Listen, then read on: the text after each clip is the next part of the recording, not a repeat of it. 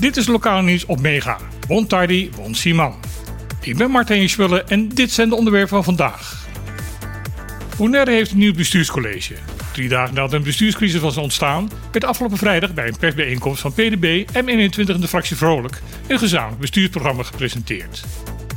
Voorwaar een opmerkelijke prestatie omdat het vorige college van UPB en NPB na een half jaar regeren niet verder was gekomen dan een principeakkoord. Het in de tijd programma heeft nooit het daglicht mogen zien. Het nu gepresenteerde coalitieprogramma omvat 50 actiepunten en staat de ambitie uit om veel op Bonaire te gaan veranderen. In het actualiteitenprogramma Op de Klippen zei Abraham van de PDB afgelopen zaterdag dat niet al deze punten in de komende 3,5 jaar ook echt afgerond kunnen worden. Maar, zegt Abraham, het is heel belangrijk om er nu aan te beginnen en te zorgen dat de meeste van deze beleidspunten de komende jaren goed in de stijgers komen te staan. Ondertussen is het ook bekend geworden dat Clark Abraham, Nina de Heijer en Angelica Sicilia de nieuwe gedeputeerden zullen gaan worden. Daarbij is de terugkeer van de Heijer in de politiek zeer opmerkelijk te noemen.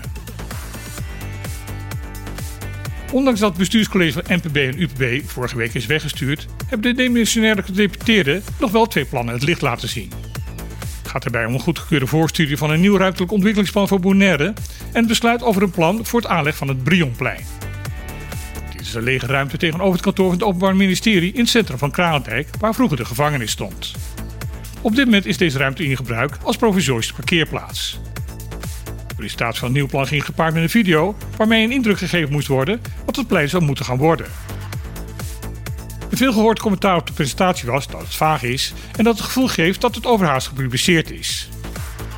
Ook merkten veel mensen op dat de timing van de presentatie niet toevallig is. Lijkt erop dat het oude bestuurscollege dit plan nog even wereldkundig wilde maken voordat het niet meer kon. Het is nu aan het nieuw college om te besluiten wat er verder met de plannen voor het Brionplein gaat gebeuren. Minister Schout van Armoedebeleid en voorzitter Todé van de commissie Sociaal Minimum doen deze week een ronde in Caribisch Nederland. Het tweede zal dinsdag en woensdag op Saba en Sint-Eustatius zijn en zullen daarna donderdag en vrijdag te vinden zijn op Bonaire.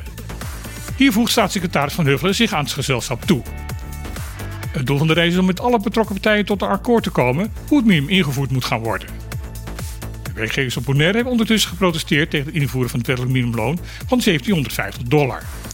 Ze stellen voor om te beginnen met een verhoging van het minimumloon naar 1560 dollar. De werkgevers zijn namelijk bang dat de sterkere verhoging in één keer alleen maar de inflatie op het eiland zal aanwakkeren. In reactie daarop heeft de consumentenorganisatie Unkebon de werkgevers opgeroepen om schouder aan schouder het door de commissie Todé voorgestelde plan te omarmen. Volgens Unkebon zijn de angsten van de werkgevers ongegrond. Volgens de organisatie zijn in het plan en door middel van aanvullende moties in de Tweede Kamer voldoende garanties geboden dat de werkgevers niet het kind van de rekening zullen gaan worden. Vannacht heeft de orkaan Tammy de bovenwindse eilanden Sint Maarten, Saba en Sint Eustatius gepasseerd. Op Sint Maarten werd deze passage met een nodige vrees tegemoet gezien. De verwachting was namelijk dat de kern van de orkaan op slechts 30 kilometer afstand van het eiland zou komen. Gelukkig bleek dat erg mee te vallen. Een koerswijziging dag eerder zorgde ervoor dat de stormkern op ruim 100 kilometer afstand bleef. Hierdoor was op de drie eilanden slechts een lichte wind en wat regen te bespeuren. Alle genomen voorzorgmaatregelen waren gelukkig dus niet nodig. Wel wordt er verwacht dat de staart van de orkaan nog voor veel regen op de eilanden kan gaan zorgen. Dat zou nog tot een aantal aardverschuivingen kunnen leiden.